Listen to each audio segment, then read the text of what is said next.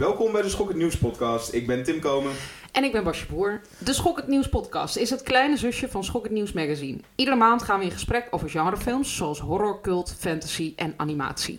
Dit keer is filmkritiek het onderwerp van ons themagesprek. Hoe relevant is filmjournalistiek nog in tijden van blogs en sociale media? En waarom worden sommige publiekslievelingen toch slecht besproken? Te gast zijn filmjournalist Ronald Rovers en Julius Koetsier. En niet Danjano Zendveld, die zat er eigenlijk. Maar die is als het goed is nu bijna vader van een kindje. Ja, Want zijn vrouw is aan het bevallen. ja misschien kunnen we hem een andere keer eh, te gast hebben. Zeker weten. Over 18 jaar dan. Ja, precies, ja. ja. We hebben ook weer twee columns voor je van Hedwig van Driel en Erik van het Holt. En in onze vooruitblik hebben we het dit keer over Mother.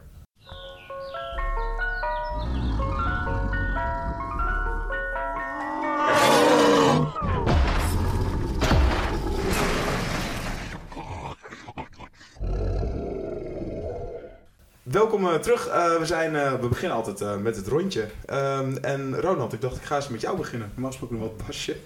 ja, altijd, hè? Ja, zo lullig. Welke film heb jij de laatste tijd gezien die je wil bespreken? De, een genrefilm bedoel je? Ja, Ehm, Valerian van Luc Besson is de laatste film die ik heb gezien. en dat was een soort van eh, poging om Star Wars... eh, Nee, voor nee? mij niet. Nee? Nee, nee ik, wist, ik, ik moest zeggen, ik kende de strip niet. Ik las later dat het op een strip was gebaseerd, maar ik bereid me altijd wel half voor bij dingen. Ik, liefst laat ik die film eh, eh, over me heen komen. Maar het was echt anarchie voor mij. Een soort, het was punk, weet je wel. Eh, dat zie je niet zo vaak meer in, in, in, de- in de wereld die door marketing geregeerd wordt. En alles wordt voorge, hoe noem je dat, gepland. Want doelgroepen en zoveel mogelijk verdienen. Maar dit was echt gewoon Luc Bessons... Volgens mij een project wat hij al heel lang wilde doen. Volgens mij las ik dat later ook ergens. Hij droeg het ook op aan zijn vader, zag ik na afloop van de film. Dus ik denk dat het een heel persoonlijke film was. En, en, dit was echt voor mij... eh, dit was niet Star Wars en het was ook niet eh, Guardians of the Galaxy... een soort van nepgekte die ik toevallig een paar dagen daarna zag. Maar dit was echt... eh, ja, ik weet niet of nou, voor wie hem niet gezien heeft, er komt een winkelcentrum in voor waar 1 miljoen winkels in zitten, dat in een andere dimensie bestaat, waar mensen al, nou ja, waar ze dus even naartoe gaan, maar de hele tijd heen en weer schakelen tussen dimensies. Op een bepaald moment moet iemand, ik weet niet meer wat doen, maar zet in ieder geval een hele grote kwal op zijn hoofd, want dan heeft hij toegang tot weet ik wat. Nou ja, in ieder geval die gekte dingen die, die je zou verzinnen als je een kind van, van, van tien misschien een pen in zijn handen geeft. En doe maar wat. Wat tof. Ja. Wat, wat, want dit, er zijn van die films waar regisseurs heel graag, nou, net als eh, June voor Jodorowsky, maar ook eh, John Carter of Mars was destijds ook wel echt zo'n passieproject. Eh, dit zijn vaak ook de films die floppen of zelfs niet wordt gema- worden gemaakt. Hoe is dat bij Valerian denk je wel gelukt en waarom gaan er, gaat er toch niemand heen? Dat vind ik moeilijk om te zeggen. Ik, ik zit er soms helemaal naast met... Kijk, ik weet wel dat... Van sommige films weet je gewoon dat er veel mensen naartoe gaan. Hartenstraat, romantische comedie-achtige dingen. Maar bij dit zou ik dat van tevoren nooit hebben durven voorspellen. Besson is een grote naam. The Fifth Element is volgens mij wel goed bezocht, jaren daarvoor. Maar is best wel nog een grote naam. Ik bedoel, op teken na. Ja, door eh, hoe, die, die film met Scarlett Johansson, eh, Lucy. Lucy. Oh, Ja, ja, Lucy, Lucy. Dat was een Lucy grote hit. Ik denk dat hij daarom deze film heeft mogen maken. Kan ook door Scarlett Johansson komen. Nou, volgens mij vonden... Ik heb hem niet gezien. Ik had er ook helemaal geen behoefte aan. Maar volgens mij vonden mensen het gewoon echt een hele vette, lekkere actiefilm. Maar tegenwoordig lijkt het wel alsof als je een wereld gaat scheppen, dat dat heel erg vaak mensen juist... Dat was bij Lucy niet. Dat is gewoon een, Nee. een conceptfilm, high concept film. Als je een wereld gaat scheppen, dan moet je wel van hele goede huizen komen. Game of Thrones, Lord of the Rings of Star Wars zijn. Lijkt mij tegenwoordig om het nog echt... eh, Om publiek Of te Marvel, trekken? ja, om echt publiek te trekken. Ja. Wat zeg? Of Marvel. Of Marvel, ja. Ja, dus toch die Guardians. jij nou eh. teken? Ja, teken is ook van Luc Besson, of tenminste Nee. uit, zijn, eh, uit zijn koker. Teken met Liam Liam Neeson? Ja? Nee, nee, nee. nee. Oh, ja, hij is niet door hem geregisseerd. Maar Nee, het zou wel kunnen dat het van zijn eh eh productiebedrijf is. Ja. Volgens mij wel hoor.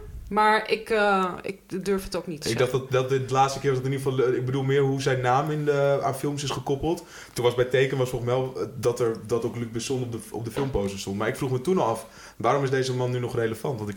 Ja, Zo... Zo'n 90s eh, vind Ja. ik hem een beetje. Ja, Terwijl hij is dat- begonnen in de jaren 80, begin jaren 90. Niet omdat ik 45 ben, maar dat disqualificeert iemand toch niet? Nee, nee. Nou, ik vind... Kijk, als, als het echt gedateerd is wat je doet, op een gegeven moment. Het, is niet, het heeft niet te maken met leeftijd. Het heeft te maken met hoe relevant het nog is wat je hebt te vertellen. En, en of dat nog aansluit bij, eh, bij, bij de tijd. Ik denk dat dat wel van belang is. Maar dat kan ook als je 90 bent. Maar vind je Valerian gedateerd? Ik heb Valerian niet gezien. Oh, Oké, oké. Nee, maar voor Valerian had je kunnen denken, voor Lucy misschien had je kunnen Ja. denken, ik zit een beetje met Tim mee te denken, van ja, dat je denkt, wat heeft Besson nog eh, te zoeken in de Nou ja, er zijn heel veel mensen van onze generatie opgegroeid met The Fifth Element. Mhm. En die toen ze iets ouder waren Leon zagen. Dat vinden mensen ook nog steeds een heel goede film. Ja, waarom weet ik ook niet. Oh. Nee, nou ja.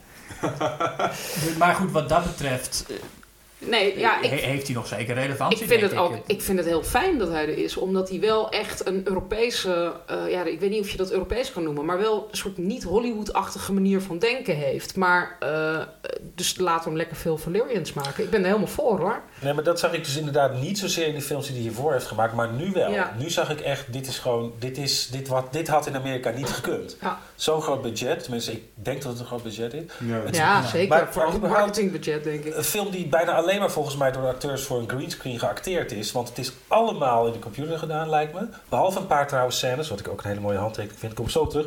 Eh, maar allemaal in de computer. En dan toch voelt het echt. Toch voelt er een, voel je een ziel in die film. En dat vind ik heel knap. Want die Ja. ziel, die miste ik dus heel erg bij The Guardians. Ja, En hoe waren die acteurs?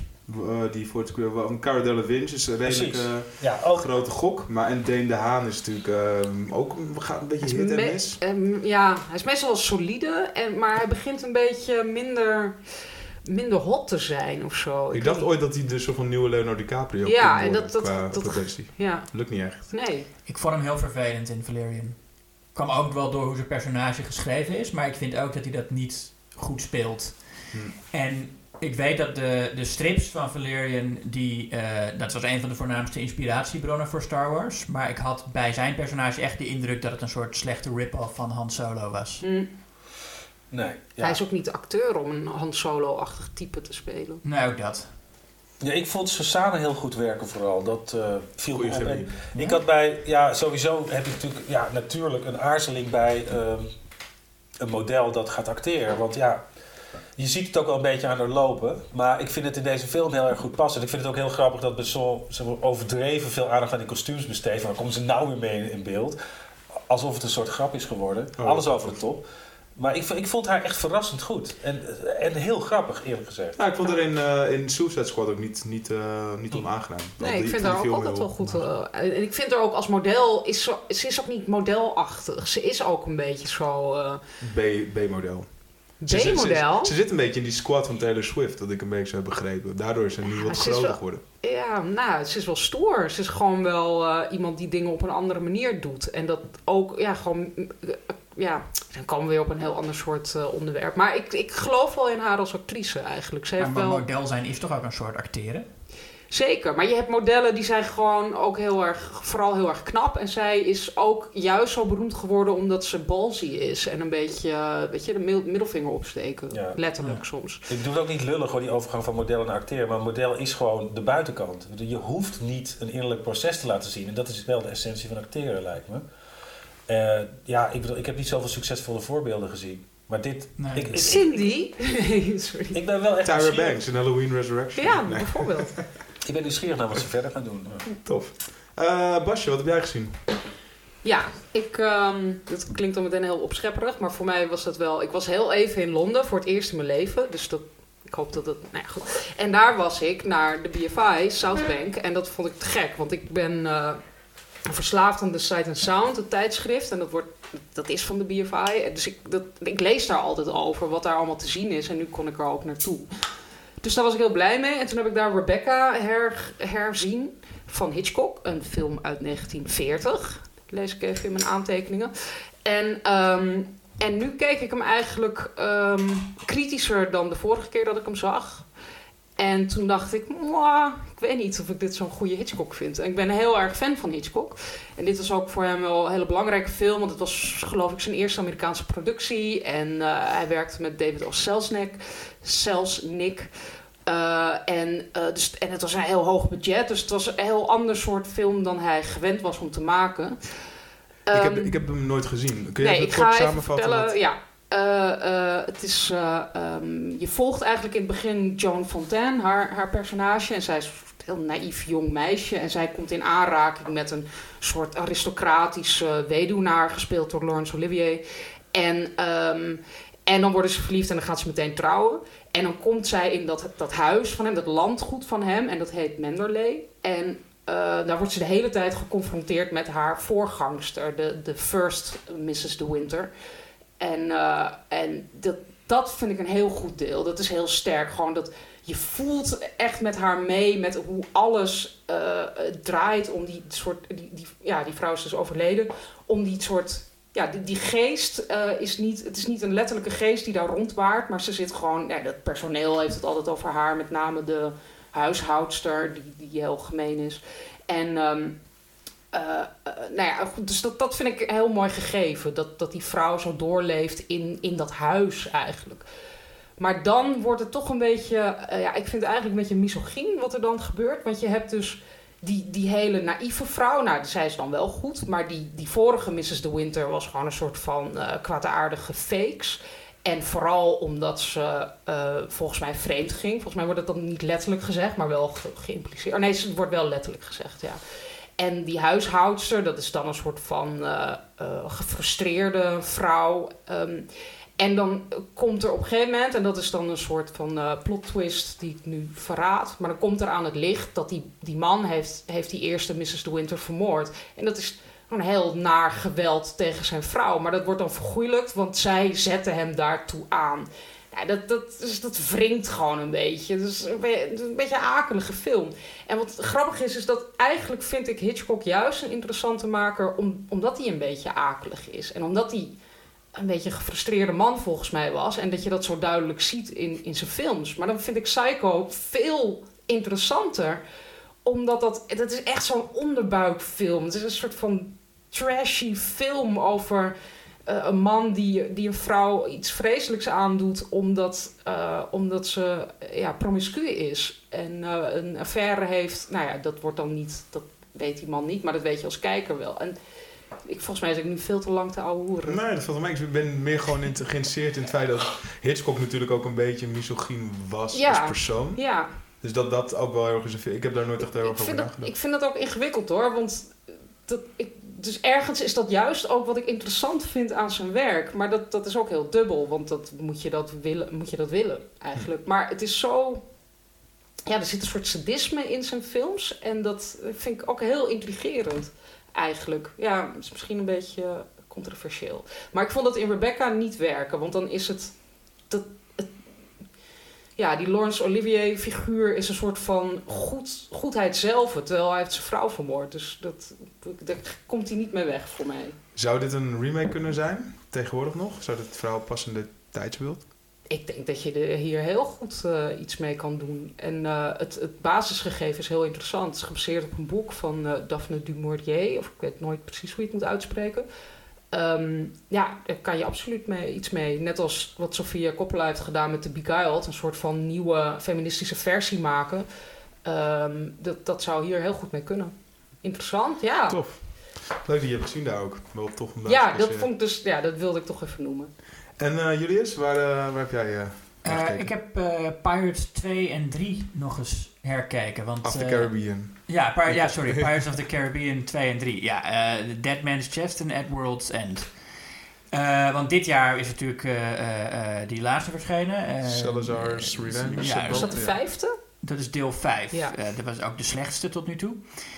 En ehm, dus ik dacht, ik wil toch eens terug naar die, eh, de, de, de eerste trilogie van, van Gore Verbinski. En die eerste film, die had ik al wel vaak genoeg gezien. En, en, en daarvan herinner ik me vooral dat hij een heel strak script heeft.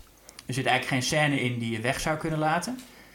Eh, en die twee die daarna kwamen, die zijn wat dat betreft eigenlijk het tegenovergestelde. Dat zijn eigenlijk alleen maar scènes die je weg had kunnen laten.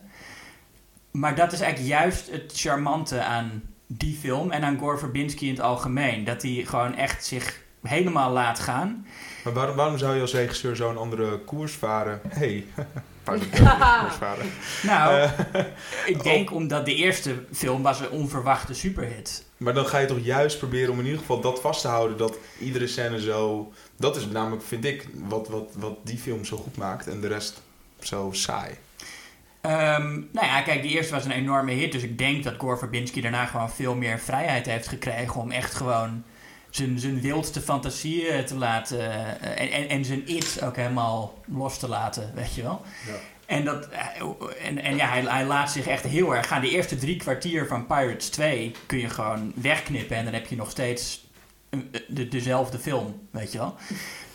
Maar juist dat, en dat had ik ook heel erg met A Cure for Wellness, de laatste van Verbinski, ook met Deen de Haan, eh, die ik daar wel heel goed vond. Of nou, heel goed, ik, vond hem goed werken in die rol. Is ook een film waar veel te veel in zit. Maar juist dat maakt het vaak charmant. En ik denk dat ik wel een beetje een, een liefhebber van eh Gore Verbinski aan het worden ben. Hoe vond je The Ring? Die vond ik niet zo goed. Daarom ben ik ook vaak ben ik ook eerst een beetje op afstand gebleven en, en sceptisch over eh, Verbinski. Ik vond dat vooral een, een overbodige remake die ook heel raar eh, dingen fout deed die het origineel wel goed deed.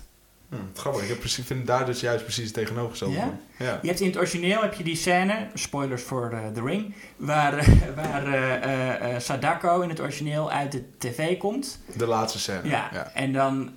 En, en in het origineel blijf je de hele tijd bij dat moment. En in de remake gaat Verbinski dat versnijden met een scène waar Naomi Watts onderweg is naar de, de, de plek waar dat gebeurt. En dan is zo van, oh, eh, zo zal, zal ze het op tijd redden om, om die man nog te waarschuwen. En dan wordt het een, een, een thriller in plaats Ja. van een horrorfilm. ja. Maar, En dat vind ik echt zo slecht werken dan. ja, maar ik denk dat hij ook iets heel anders voor ogen had. Nou ja, dat zal ook wel. Hebben we het hier eerder over gehad? Ik heb een Ja, soort ik van heb het déjà gehoord, dat vu. ik- eh, ik, ik, Maakt het niet zou kunnen dat ik wel bezig. eerder gezegd, maar goed.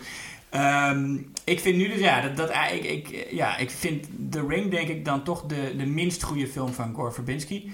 En eh, hoewel ik eh Mousetrap niet gezien heb. maar eh, ik vind, ja, Pirates 2 en 3 vind ik, ik denk, die zijn alle- allebei niet zo goed ontvangen. Ik denk dat ik het toch onderschatte films vind. Ah, tof. Goed om te horen. Goed om te horen. Ja, Ja, dan gaan we ik zo nog even ik kijken, Ja, weet je. ik Ja. moet nog een keer zijn kans geven. Tim, Ja, ik eh, dacht ik ga weer eens... Nou, ik heb, ik heb net een nieuwe relatie. Dus dat is altijd heel fijn, want dan kun je alles weer laten zien wat je zelf vet vindt. ja, dat is echt eh, een goed moment, ja. Wekenlang films kijken. Dus zo eh, kwamen we laatst weer eens op eh, Drag Me to Hell. Die had hij nooit gezien. Dus samen met nog een vriendinnetje van hem gingen we die film kijken. En dat was heel grappig, want eh, ik vind het gek. Het is super campy. Het gaat... eh, Ik hou zo van die film. Ja, voor de mensen die hem nog niet hebben gezien, het gaat over een meisje die eh, heel erg graag promotie wil maken bij haar bank waar ze werkt. Ehm, en op een dag komt er een oude vrouw binnen, die vraagt om een lening of om een nieuwe hypotheek. Die krijgt ze niet. En dan ehm, wordt, ze, wordt het jonge meisje vervloekt door, haar, door die oudere vrouw. Die gaat daarna meteen dood, dus die vloek die is ook niet meer op te, op te heffen. Zo'n klassieke gypsy curse. Ja, Toch? er komt een soort van demon die je in zeven dagen dood kon maken. Ehm, en eh, er, zit van, er zit van alles in, ook nog over een best wel volle film. Ik vind dus bijvoorbeeld een seance eh scène vind ik het minst werken. Waarbij ze ook dat in, met een geit, Geit. en zo, ja. Ehm, maar het is natuurlijk wel Sam Raimi die terug naar zijn roots gaat. En ja, die hebben we toch wel g- gemist. Dat is eh, zeker nadat hij ehm, Spider-Man deed. Vond ik, ja, weet je, die, dit is wel de, de, de- het genre waarin hij echt floreert. Maar het wa- was heel grappig, want het is een enorme campy film. Dat doen ze natuurlijk expres. En dat kregen mijn filmmaatjes op dat moment echt totaal niet mee. Nee. En toen dacht ik, is dat dan iets hoe, hoe de rest van het publiek die weet je, heel erg geniet van horrorfilms er zo naar kijkt? Zo van, dit is een hele slechte horrorfilm. Ja. Want het is ja, zo over de top, dat misschien alleen de liefhebbers dat kunnen waarderen. Hoe, hoe ja, ik denk dat je misschien... Dit klinkt heel gek, maar misschien heb je ook wel wat bagage nodig om Drag Me to Hell te kunnen waarderen. Ah ja. Ik, ik hoe weet kijk het jij ernaar, niet. Ronald? Hou je van, de- hoe vind je deze film? Eh, die heb ik niet gezien. Nee? Nee, nee. Gaan we een keer kijken. Nee, ik ben, nee, maar ik ben, ligt me bij heel gevoelig. Ik, eh, ik, ik raak van overstuur en zo. Maar, maar dat principe heb ik wel vaak over, tenminste zonder antwoorden te vinden, maar daar vaak over nagedacht. Ik, ik merk dat ik vaak zit te lachen bij films waar die andere mensen nog steeds serieus nemen. En ik weet ook precies waar het aan ligt. En inderdaad is mijn gevoel dat het met bagage te maken heeft. Je hebt al heel veel van die films, je hebt schablonen in je hoofd van hoe een verhaal verteld wordt. Dan is er iemand die steeds op hele kleine punten net iets anders doet. Of over de top gaat, of net, net niet zegt wat je verwacht. Dus hij is zich bewust, of zij is zich bewust van de, van de conventies. En als kenner, of als, als, als je die bagage hebt, dan kun je daarom lachen. Je, Ja. Of je weet waar iemand mee aan het spelen is. Het, het gebeurt me best wel vaak eigenlijk. Nou ja, of omgekeerd, dat iedereen helemaal in een deuk ligt en dat ik denk van ja, maar dit heb ik al zo vaak gezien. Ik, ja, het laat me koud. Ja, ik, zeg, ja grappig, oké, het zal wel. Dan moet ik nog niet lachen meteen. Maar het is inderdaad, je hebt bepaalde kaders, ontwikkel je als je heel veel films kijkt en er heel veel van weet. En ehm, eh, ja, Ja. Ik denk ook, want ik vroeg ook aan ze van, joh, wat vinden jullie dan wel heel goed? Of wat vinden jullie dan... En dan vonden ze vooral dingen... Ze zeiden, als we horror kijken, willen we bang gemaakt worden, willen we het eng vinden. Dus Paranormal Activity vonden zij dan een... eh, vind ik ook een hele goede film. Maar die vonden ze dan heel erg eng, want dat is natuurlijk allemaal serieus, om het even Ja. te steken. Er zit geen grap, grappigheid in, ligt een beetje aan, nee, want kijkt. to Hell is dus echt heel grappig. Het is een hele grappige film. Het is een beetje Braindead, zijn eer- eerdere film. Of Ja. uh, Peter. Jackson's eerdere film. Ehm, eh, en hij, ze vond ook The Conjuring bijvoorbeeld enorm goed. En dat is natuurlijk ook echt zo'n film die een klassieke horror Ja, alleen is. hij die leunt ook heel erg op een soort van. Ja, Insidious is meer campy, maar, de- maar juist The Conjuring is super... ja maar ik vond het. Straight ik, ik, ik zag daar ook wel echt de, de filmgeschiedenis in resoneren in die film ergens. Ja, toch? Ik vond The Conjuring en Insidious allebei een soort best-ofs van ja, maar dat vond ik horrorfilms juist uit zo de jaren lekker. 80. aan. Nee, het was, ik vond het ook heel lekker. Maar Ja. het was wel echt een, een, een verzameling van wat eerder heeft gewerkt. Ja. En geen originele ideeën. En heel Ja. bewust ook. Het is Ja. niet een soort van eh, eh, jatten. Het is gewoon een ode Nee. aan. Ja. Ja. en daar is James Wan ook wel heel goed in. Hij, Mhm. hij doet dat echt, eh, hij is een vakman. Ja. Maar Is- geen, eh, Doet Sam Raimi dat ook, vinden jullie? Of hebben- heeft hij juist zijn eigen stijl? nee, daarin hij heeft wel echt zijn eigen Ja, ideeën. maar hij brengt ook een ode. En neemt ook die hele filmgeschiedenis mee in, in wat hij doet. Vind ik wel. Maar ook uit andere genres. Ja. Hij heeft in Evil Ja. Dead 2... eh, dat stuk met, met dat oog dat eh, eruit Ja. popt en in iemands mond vliegt. Dat komt letterlijk uit een... Heeft hij gewoon letterlijk overgenomen uit een, eh, een, een korte film van The Three Stooges. Een comedy. Oh ja. Oh, Waar dat met een olijf gebeurde. Ah, ja, ja, Dus hij had dat soort sla- slapstick dingen stopt hij in horrorfilms, Ja. weet je wel. Dat werkt, ja. Nou, toch nou. Dragon Tail zeker gaan kijken dan. Ja, ik vind, wil, dit is, het is zo'n goede film voor een eh, soort filmavondje met mensen. Dat, en ik zat laatst al te denken, ik, dat wil ik weer met die film. Ja, is die gewoon, film die, is eh, er, het is die, die om leent zich samen daar perfect kijken. voor. Behalve dan als je met zulke zure vruchten als ik ging kijken. Ze het met een serieuze horrorfilm. Oké, eh, we gaan naar het themagesprek. Nee, we gaan luisteren naar Oh, de column van Hedwig. Top. What's your name, girl? Amelia. Calls me Amy. I'm Corporal John McBurney, but everybody calls me McBee. How old are you, Amy? Twelve. Thirteen in September. Old enough for kisses. Dit is Hedwig met Blast from the Past. Ik had niet per se verwacht om ooit een editie van deze column te doen naar aanleiding van een nieuwe film van Sofia Coppola. Genrefilms maakte ze tot nu toe niet bepaald. En zelfs haar nieuwe film The Beguiled zit een beetje op het randje. Maar de film is een remake van de gelijknamige film uit 1971 van Don Siegel. En dat is nou echt een schokkennieuwsfilm. Het verhaal is in beide films grotendeels hetzelfde. Het komt uit het boek A Painted Devil van Thomas P. Cullinan. De setting is de Amerikaanse burgeroorlog. Een meisje van een meisjesschool in het zuiden vindt in de bossen een gewonde noordelijke soldaat. Corporal McBurney heet hij. In de 70s versie werd hij gespeeld door Clint Eastwood op zijn manst en in een nieuwe versie door de ook woest aantrekkelijke Colin Farrell. Ze neemt hem mee naar de school om verpleegd te worden. De vrouwen en meisjes daar hebben al in geen tijden een man gezien en raken snel in de ban van de soldaat. Ook omdat hij wel erg zijn best doet om ze te verleiden. De gevolgen daarvan, die lijkt hij niet helemaal te overzien. De film van Siegel maakt grif gebruik van de inherente schunnigheid van de premisse. Je zou de film broeierig kunnen noemen, maar eh, zweterig is misschien preciezer. De boodschap van de film is duidelijk. Onder het dunne laagje beschaving zijn we allemaal beesten. Dat geldt allereerst voor McBurney. In de eerste scène vraagt hij aan een 13-jarig meisje hoe oud ze is en verklaart haar vervolgens eh, old enough to kiss en geeft haar een zoen vol op de mond. Elke andere vrouw die in zijn vizier komt wordt scherp geanalyseerd, waarna hij precies de juiste soort charme ontplooit voor het specifieke slachtoffer. Siegel gebruikt flashbacks om de geniepigheid van McBurney overduidelijk te maken. Terwijl hij aan schoolhoofd Miss Martha uitlegt dat hij eigenlijk pacifist is, zien we hem enthousiast schieten op andere soldaten. Maar eh, die flashbacks die worden ook gebruikt om aan te tonen dat Miss Martha zelf ook niet zo geweldig gemaniereerd is als ze zich voordoet. Of, nou ja, in ieder geval dat de relatie die zij had met haar broer wel iets weg had van de Lannisters in Game of Thrones. En naarmate de film vordert wordt overduidelijk dat het gevaarlijk is om deze vrouw te manipuleren, omdat ze uit jaloezie en wraak tot heel wat in staat zijn. Nou, het verhaal dat is in de versie van Sofia Coppola eigenlijk vrijwel hetzelfde. Maar haar versie is minimalistischer, impressionistischer. Het weglaten van het personage Hallie, een slavin, dat uh, heeft al tot flink wat controverse gezorgd op internet. Maar er ontbreekt meer. Die flashbacks bijvoorbeeld. En waar Siegel ruim zijn tijd neemt om de bloederige omkering die het begin van het einde signaleert grafisch en exploitatief in beeld te brengen, kijkt de camera van Coppola kuis weg. Coppola legt de nadruk elders. Ze heeft veel aandacht voor texturen, voor het zintuigelijke. Er is bijvoorbeeld een scène waarin Nicole Kidman, die Miss Martha speelt, McBurney wast. En er zijn veel close-ups op zijn huid en haar hand en spons. En dat creëert een heel eigen soort suspense. Ik weet niet of de film uiteindelijk echt feministischer is, maar je krijgt zeker meer een gevoel van hoe de vrouwen zich voelen. Waar Siegel beesten ziet onder een laagje beschaving, begrijp je in de film van Coppola hoe belangrijk dat laagje kan zijn als houvast.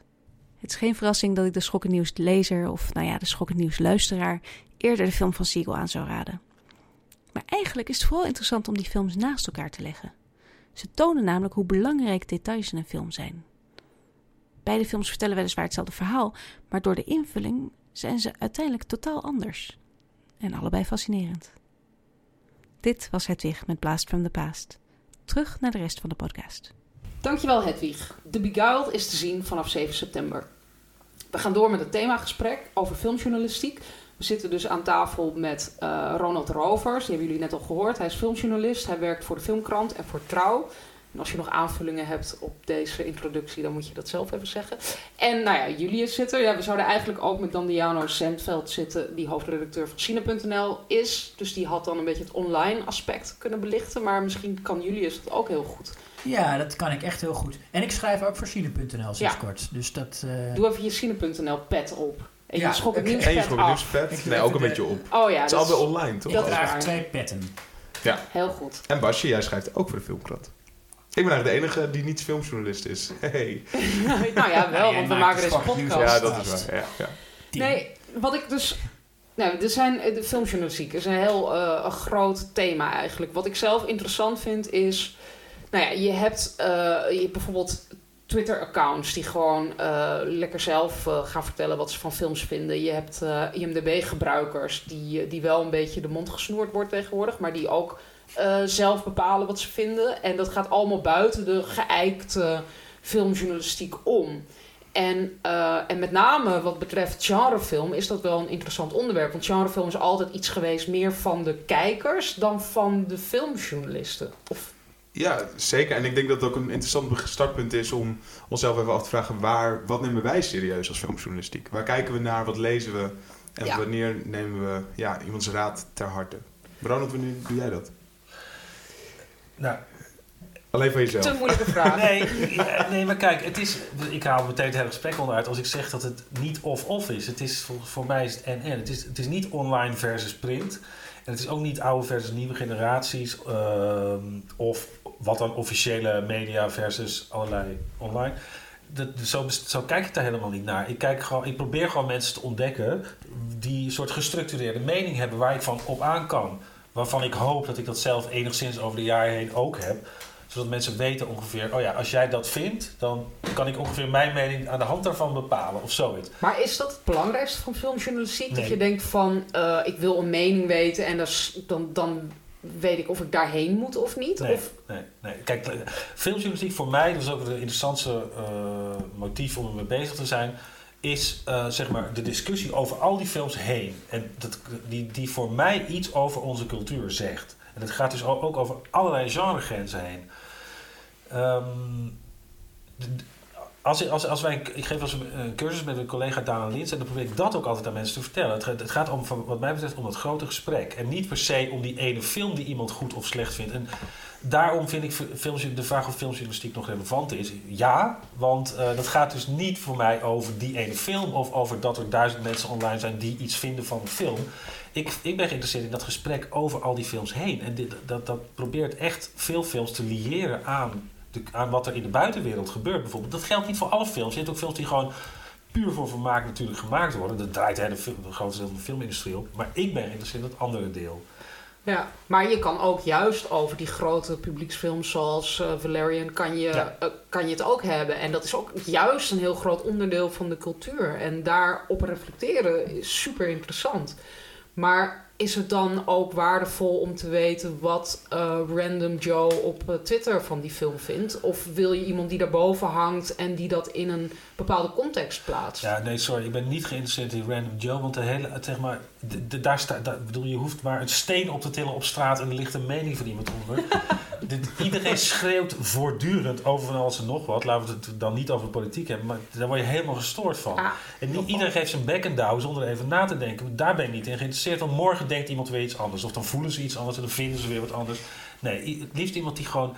Daarom bedoel, dat bedoel ik met structuur. Iemand die wat gezien heeft, die de ene film met de andere kan verbinden. Ja. En, en dan en een, een mening weten verwoorden waar ik een beetje van op aan kan. Maar als Random Joe iets heel interessants te zeggen heeft. Kijk, ik vind je moet, je moet naar het argument kijken, niet naar de persoon. Hmm. Weet je wel?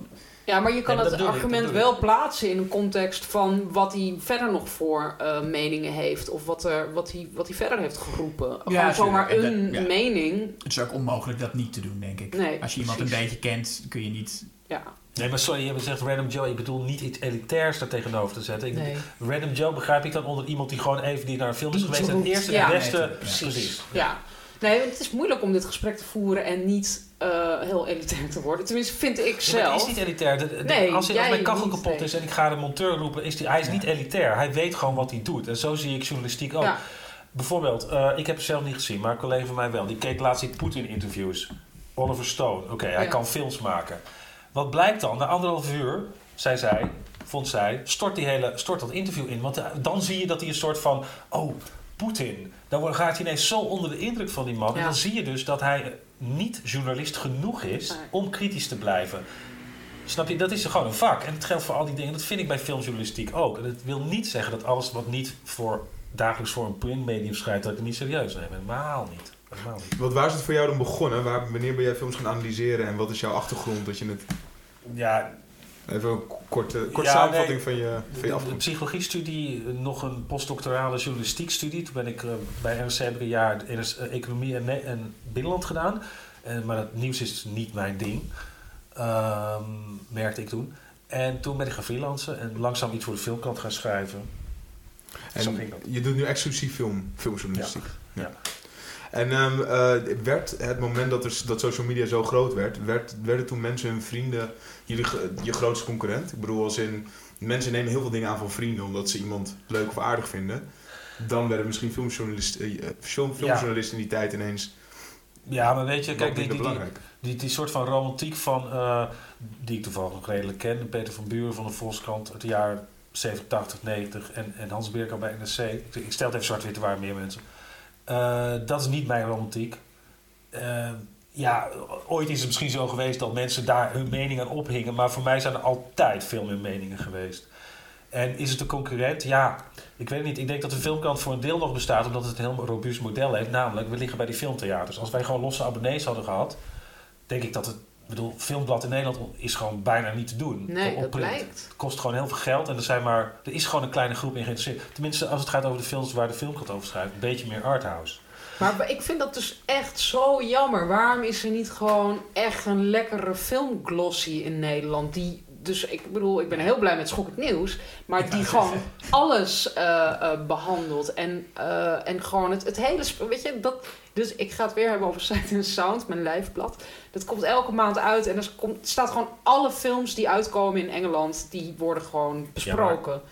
Dat er is zit toch... een enorme zak geld achter. Tuurlijk, dat snap ik. Maar waarom is die zak geld er niet in Nederland? Ja, omdat En ik we weet, dat... ja, ik weet wel, ik werkte bij een distributeur en toen hadden we een, eh, eh, we huurden marketingbedrijven in. En zij zei, al, dus die, die vrouw die dat runde, die zei van, je moet geld uitgeven aan eh, adverteren in, in filmbladen, die er toen nog wel waren. Want dat, dat, dat hoort, zo moet je dat doen. Je moet elkaar steunen. En toen dacht ik, ja, dat is inderdaad waar. Maar dat wordt dus kennelijk te weinig gedaan. Er zijn niet genoeg adverteerders om een filmblad eh, eh, Maar is er een goede sales... Oké, nu gaan we heel erg aan de andere kant op. Maar is er een goede salesafdeling die dat, die dat aanpakt? Want uiteindelijk zijn er natuurlijk best wel veel merken die zich willen koppelen aan film. En dat is niet alleen maar film. Ja, maar art... En- ja. Want al ga je kijken naar een Samsung bijvoorbeeld, is ook een merk wat zoveel koppelen aan film. Want dat, dat zijn mensen die naar Samsung kijken. Ja, maar kijken dat, dat, dan heb je het over de preview, zeg maar. Dan heb je het toch over de bioscoopfilms en niet eh, een combinatie. Het is, die, die scheiding is ook te groot, Ja, ik zou je zeggen, ik heb vandaag gehoord, maar ik moet het nog verifiëren, dat eh, iemand vertelde, ik kwam uh, Misha uh, Kamp op straat tegen, en die, die Ja. zei dat zij gehoord had, maar dat is dus echt nu even een gerucht, maar dat de posters in de bioscopen, dat daar tegenwoordig ook voor betaald moet worden. Ja. Dan denk ik, ja, Dat geloof ik. dan krijg je dus nog meer dat de films die al veel geld hebben, Ja. groot budget, nog zichtbaarder worden en de andere nog minder zichtbaar. Ja. Dat is heel jammer. Kijk, Ja. kijk we- en, en in Nederland er worden heel, er zijn, we hebben zoveel filmtheaters in Nederland en in Amsterdam al helemaal. En er wordt zoveel arthouse gekeken en de zalen zitten helemaal vol. Waarom is er dan niet toch dat publiek om ook een tijdschrift er ook goed gemaakt tijdschrift over film? Ik, ik snap het werkelijk niet. Maar er is ook te weinig subsidie, dat is ook een probleem. Want Nou, in België lukt het wel, daar is gewoon heel veel subsidie voor bladen. Maar het is de, je, daar is je grootste concurrent toch weer internet. Ik bedoel, mensen kunnen het gewoon ook allemaal gratis opzoeken. Wa- Wat opzoeken dan? Gewoon, gewoon eh, filmrecensies eh, op de filmkrant, de, de website ervan. tuurlijk. Maar, is ook gratis. ja, maar ook op, op, op Trouw, op, op Parool. Weet Ja, je, ja. eh, daar heb je al die meningen al. Waar- waarom zou die, ja, waarom zou dan het, ik vind het juist andersom. Het lijkt mij juist overbodig. Ook al zou ik het graag willen. In Ja. een ideaal Nou ja, dat is misschien waar. Misschien heb je daar wel een punt. Het kan ook zijn dat het wel wat schip keert. Uh, Omar is een heel ouderwets. eh. maar als je echt een... Ja, die kakofonie is er al lang. Maar als je zoveel meningen online krijgt... Dan, kan- dan kan het natuurlijk ook zijn dat mensen een soort to- toevlucht nemen tot de vluchtheuvel, zou ik maar zeggen. En dat die weer, toch weer een paar... Dat die gewoon die herkenbare punten eruit halen. Zoals nu Ja. bestaande tijdschriften of kranten, weet ik wat. Ja, ik dat, dat IMDb nu de hardste stem is. Want ik hoor heel vaak mensen, eh, juist mensen uit de filmwereld ook, die als, als eh, cameramensen en geluidsmensen, die dan zeggen van, dan, dan noem ik een film en dan zegt hij even kijken hoor, oh hij heeft een 7,6. En dan zegt hij niet, weet je wel, van op IMDb heeft hij een 7,6, Nee. maar gewoon alleen hij heeft een 7,6. Maar dat vind ik dus echt heel problematisch. Want ook. die, die top 250 van IMDb. Ik bedoel, ik heb laatst geteld hoeveel vrouwelijke hoofdrollen daarin zitten. En in, bij de eerste 100 zijn dat er maar zeven. En er zitten ook een paar gedeelde hoofdrollen tussen. Het is, Ja, het het is is een heel erg een bepaald. Ja, het is heel erg een soort smaak die daar wordt. Ik bedoel, het zijn ook wel goede films, maar het is heel erg op smaak. Niet allemaal. Ja, de Empire, de, de Britse... Nou ja, van dat is ook heel erg zo. Van de. Ja.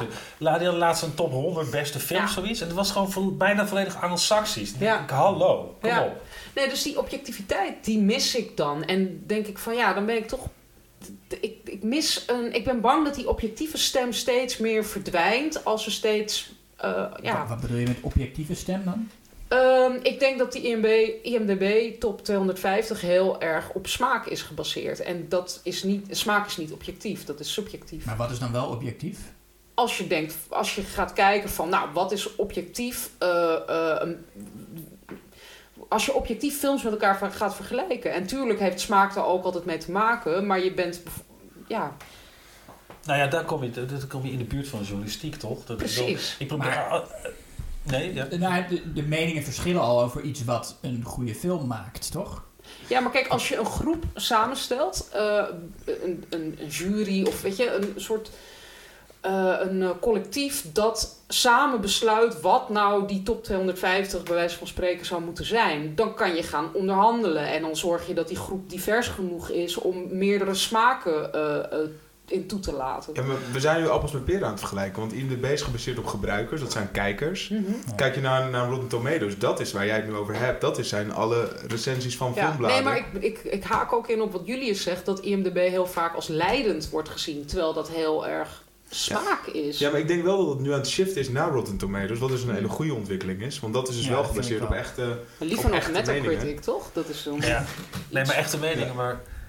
Op, eh, sorry, echte meningen klinken, klinkt weer elitair. Ja. Ja, nou ja, nou ja op zich niks tegen elitair, maar ehm, het, kijk, het, kijk, dat bedoel ik, het is een vak. Ik, ik, ik snap wel dat ook mijn recensie is op smaak gebaseerd, want dat is waar ik begin. Als ik naar een film ga kijken, dan kijk ik, waar, waar, waar- wat zeggen die voelsprieten? Wat is de eerste reactie? Maar daar probeer je vervolgens een overheen te komen. Ja. Of, te overstijgen. En dat is heel lastig. Bij al die cursussen die ik geef, en je, dan weten mensen, ze weten soms veel meer van film dan ik, want ik kom niet uit film- en tv-wetenschappen. eh, ik ben geen fanboy, zou ik maar zeggen. Ik kom vanuit de journalistiek, die weten veel meer. En dan, vraag, en dan laat je mensen het, het vertellen op papier. En dan is dat gewoon heel ingewikkeld. Om Ja. dat te vertalen, om het soort van objectief te doen, maar wel je eigen stem erin te leggen. Ehm, dat vind ik een kunst op zich. En ik zoek toch naar de meningen online die die kunst beheersen. Ja. Nee, dat is ook Ja. zo. En volgens mij zijn dat, dat is, net, net zei jij het aan het begin, zei je dat, of zei jij dat, nou ja, dat, dat genrefilm in elk geval niet vaak eh, met journalistiek, dat daar een beetje een conflict tussen is. Ja. Terwijl toch schokkend nieuws nog steeds het, het enige, eh, de enige filmglossy is van Nederland. En dus ook de meeste, en zeker de eerste eh recensiewebsites, zijn heel erg gespecialiseerd in, eh, in genrefilm. Of nou, niet de meeste, maar er zijn veel meer websites over horror dan over comedies of over romantische films. Ja. Weet je wel? Dus- Je dus ziet ook dat, is- dat, dat, dat de genrefilm de grootste following heeft. Ja, dus volgens mij zijn, zijn zeker horrorfans juist heel erg geïnteresseerd in, in, eh, Ja. in recensies. Ja, ik, ik, ga nog, ik doe het nog één keer en dan hou ik erover op. Sight and Sound heeft deze maand een, eh, een artikel, een point of view, zeg maar. En ik ben het is geweldig, geschreven door Nick Pinkerton. En die zegt van, nou, het gaat dus echt over genrefilms. En dan zegt hij, de type, hij noemt het dan masculine genrefilms. Dus niet eh, musical en eh, melodrama, maar eh, bijvoorbeeld horror. Die hoek, onze hoek. En ehm, eh, hij zegt van die, die genrefilms die zijn van oudsher niet echt besproken door de serieuze filmjournalistiek. Je had dan de serieuze films en die niche. En dan waren er een paar pioniers die daar dan wel iets over wilden zeggen. Wat interessant was in de filmjournalistiek. En hij zegt van dat is nu. Mensen zeggen dan, genrefilms worden tegenwoordig meer serieus genomen door journalisten en überhaupt. En hij beargumenteert dan, heel filijn en grappig, dat die genrefilms juist eh, zichzelf serieuzer zijn gaan nemen. En dat die gewoon eigenlijk niet meer zo leuk zijn als vroeger. En dan noemt hij bijvoorbeeld The Revenant, waar hij echt heel gemeen over is. En dan zegt hij dingen als, ik, ik zit even op te zoeken. Nou, hij heeft het sowieso. Today, zegt hij. Today unmoored zeppelins of pomposity darken the horizon. En dan begint hij over The Revenant, maar ook over Christopher No Fun Nolan en John Hillcoat. En Jeremy Saulnier is hier ook niet positief over, Green Room. En, eh, en nou, het is, Maar wa- waarom dan niet? Wat, wat ze zijn... eh, ja, dan moet ik, dat is Nee, ja, dus het moeilijk gaat om nu even... Maar Why so serious? Nou, eigenlijk is dat het. En dan noemt hij ook nog even... Nou, dan heb je ook nog de neo-surrealisten noemt hij dat dan als Reffen en eh Anna Lily Amirpour van eh eh Girl, Girl Walks Walks Home Alone at Night. En dan zegt hij, nou ja, do- they don't rate much better, but at, least, but at least they've got pop. En daar ben ik het dan ook heel erg mee eens. Ik, ik vond Maar- het is een heel lekker je- stuk en ik ben het er ook wel mee eens. Maar het, het gaat er toch ook om dat, dat die hele stroming van... Nou, The Revenant, waar ik overigens geen fan van ben, maar Green Room bijvoorbeeld wel. Dat zijn hele serieuze films. Dat, dat past ook toch wel weer binnen het filmklimaat van nu. Weet je, net Dat is nu... punt, ja. Dus, ja. Maar waarom? Ik, zoek, ik snap niet. Kijk, ik hou best wel van vilijne stukken. En we schrijven in Nederland te weinig vilijn wat mij betreft. Maar, en ik probeer nog wel eens wat. Maar ehm, het is ook heel makkelijk. Kijk, hij houdt van iets. En dan gaat hij zelfs andere dingen naar beneden drukken. Maar hij kan ook gewoon zijn liefde voor waar, waar hij van houdt verklaren. Weet je Nou wel? ja, ik vind, wat ik interessant vind aan dit stuk is dat hij het omdraait. Dat hij zegt van wij zijn genrefilms niet serieuzer gaan nemen. Die genrefilms zijn zichzelf veel te serieus gaan nemen. En dat vind ik een goed punt. En dat, zo had ik dat zelf nog helemaal niet gezien. En hij zegt van ja, ik mis gewoon een beetje eh, de trash eigenlijk. En dan zegt hij ook nog, die Michael Bay kan je tenminste nooit op een gedachte betrappen. Of iets dergelijks, parafrasering. Maar en dat, is Zo'n eh, schietschrijf. Ja, hij heeft er gewoon zin in. Hij heeft er gewoon heel erg zin in. Dus dat is ook lekker om te lezen. Ehm, Nou, maar ik- sorry, nee, ga door. Oh, nee, nee, nee. Ik was even benieuwd naar eh, BBC Culture. Die heeft vorig jaar een eh, poll gehouden onder eh, 36 landen. En alle filmjournalisten daaruit. Om dus, nou ja, wederom weer zo'n top 100 samen te stellen. Daar kwam bijvoorbeeld als nummer 1 Mulholland Drive uit. En dat Ja. is natuurlijk heel erg dan dus kijkend naar ja. de serieuze filmjournalistiek. Wie Ja. vinden dan... Maar goed, Spirited Away stond in de top 10. ehm, eh, de, de Ja, maar trouwens... het waren niet...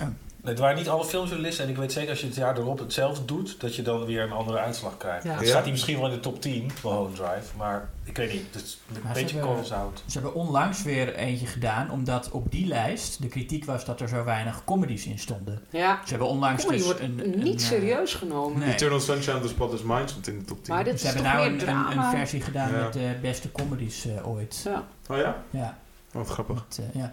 Maar nee, inderdaad, comedy is ook een wat ondergesneeuwd. Maar, dat is- maar, Lichtvoetigheid überhaupt. maar het is ook vaak bij comedy, moet ik zeggen, comedies zijn vaak wel grappig, maar niet filmisch heel interessant. Maar behalve Edgar Ja, maar- Wright, welke regisseur doet nou filmisch iets interessants met comedy? Paul Feig? Maar dat is toch ook niet filmisch interessant? Hij richt gewoon een camera op een groep grappige mensen. Ja, dat is een beetje... Nou, ik vind dat Baumbach doet dat wel. Dat zijn echt eh, als eh, ja, die doet als filmmaker, hij doet iets interessants met het medium en het is ook grappig. Het is echt grappig.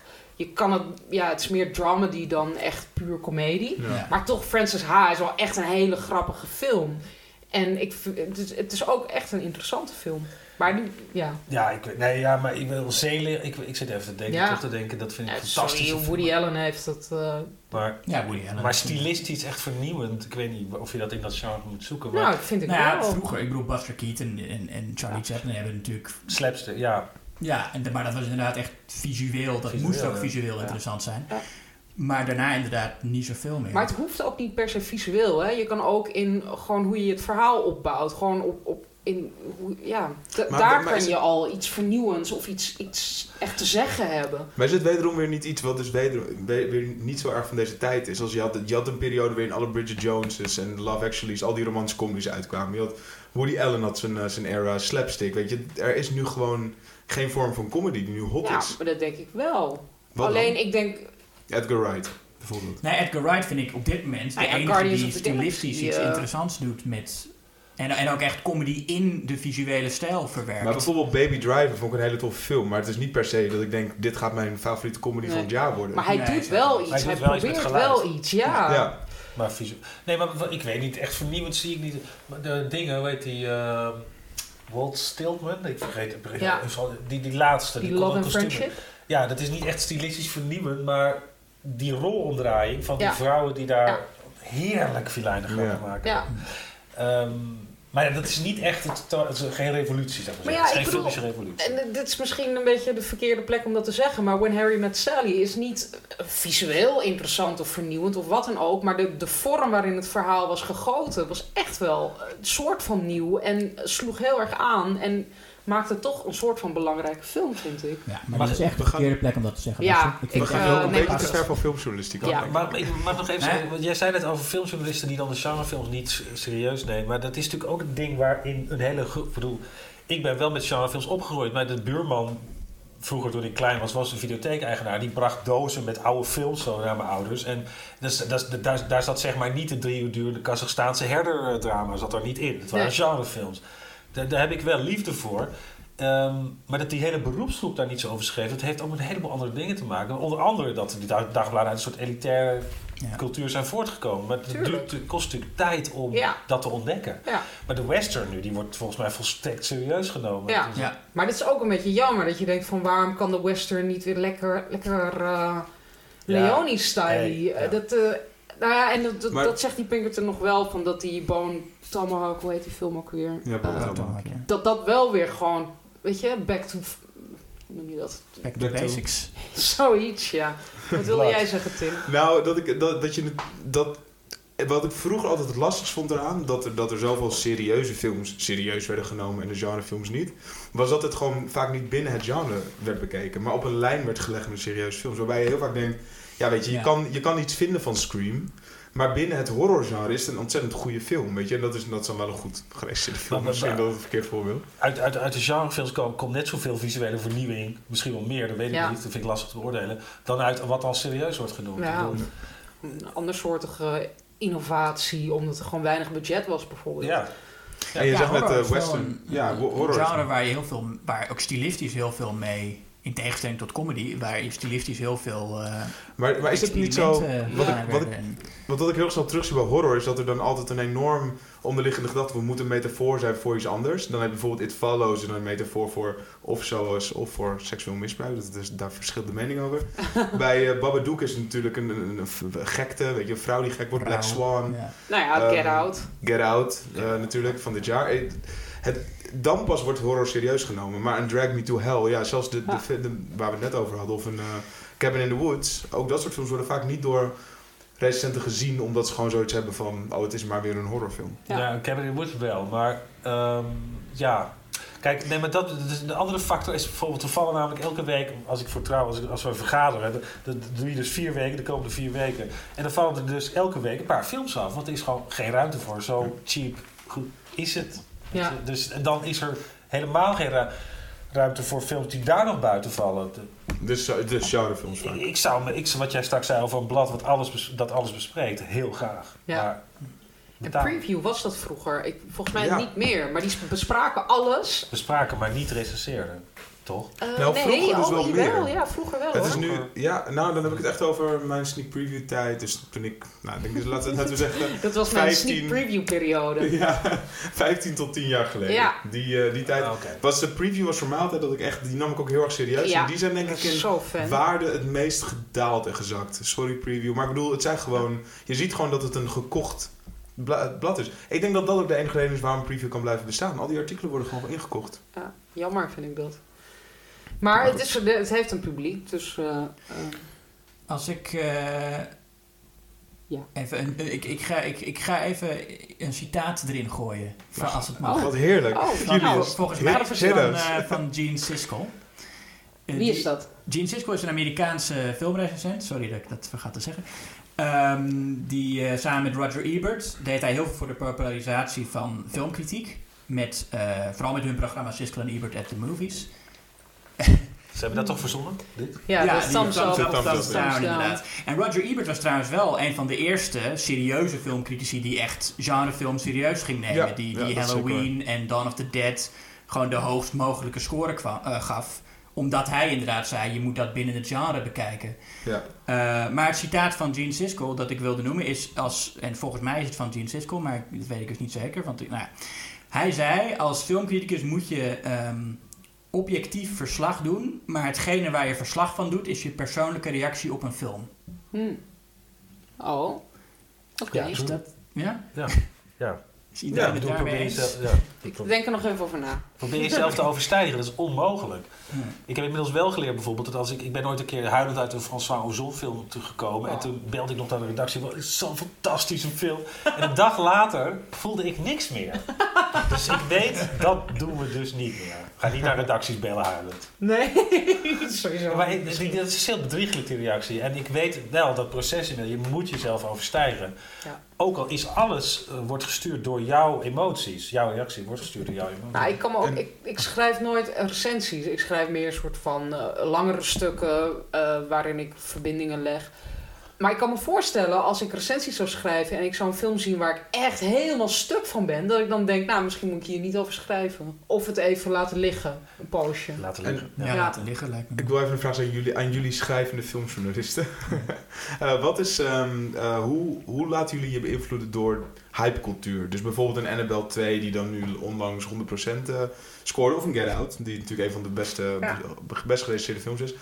Ik ging met jou Get Out kijken samen, Basje. Ja. Jij liep de zaal uit en jij was dan, net als ik overigens, ik heb hem daarna nog twee keer gezien en vind hem nu een stuk beter. Maar we waren allebei een beetje teleurgesteld toen we hem de eerste keer zagen. Ja, omdat Maar dat, maar dat te is dus veel positieve dingen had gehoord, inderdaad. dat is best vervelend voor Ja. iemand die re recent is. Want je Maar- lijkt je dan toch een klein... Want stel dat je niks had geweest. Je had geen trailer gezien. Je had niet al die hype meegekregen. Was het dan een betere film geweest? Nou, uiteindelijk, kan je- als ik had geweten dat ik er iets over moest schrijven, was ik anders de zaal ingegaan. En had ik ook, je kan dat toch wel bijsturen. Ik bedoel, ik, ben niet, ik laat me niet helemaal leiden door mijn onderbuik, weet je. Ik ga, ik, ik, dat, je kan dat wel, ehm, ja, je kan daar wel boven zweven. En dan inderdaad, ja, ik ben het toch eens met wat, je, wat eh, Siskel zei. Ehm, eh, eh, zien wat ik, ja, ik kom nu helemaal niet uit mijn woorden. Iemand anders moet wat zeggen. Ja, maar, mag ik toch zeggen dat het ene element, ja, de trailer, trailers vind ik echt volstrekt volstrekt verwerpelijke.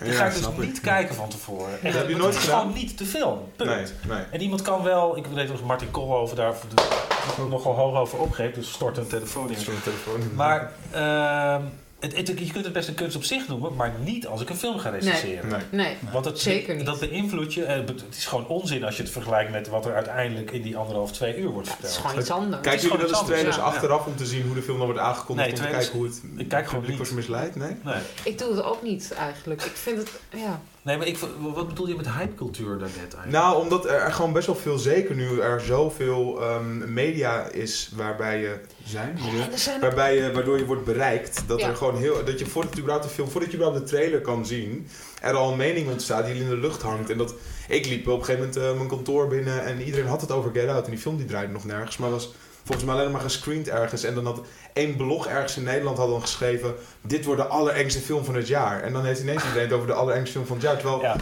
Dat is misschien niet- maar één zaal die film heeft gezien. Ja. Op, een, op een première van het komt niet vaak voor, maar ik heb echt wel. Ik heb, soms dan zet ik gewoon Twitter twee dagen uit, zou ik maar zeggen. Ja. Dan wil ik het gewoon, want je kunt het niet vermijden. En ik wilde dan geen foto's zien en geen meningen. Ja. Nee.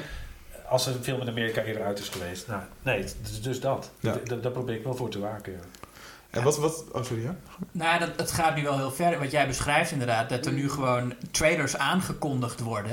Ja. Ja, En dat die mensen kun je zien in IMAX. Ja, dat mensen trailer. op Comic Con gewoon juichen omdat ze een trailer, een Ja. reclame mogen zien. What ja, maar het gaat En, gewoon en dat om de sites... Weet je, ik, ik vind zelf, als, als jij als filmwebsite benaderd wordt door een, eh, een studio die zegt... Wij, willen, wij hebben deze trailer en we willen dat jullie die plaatsen.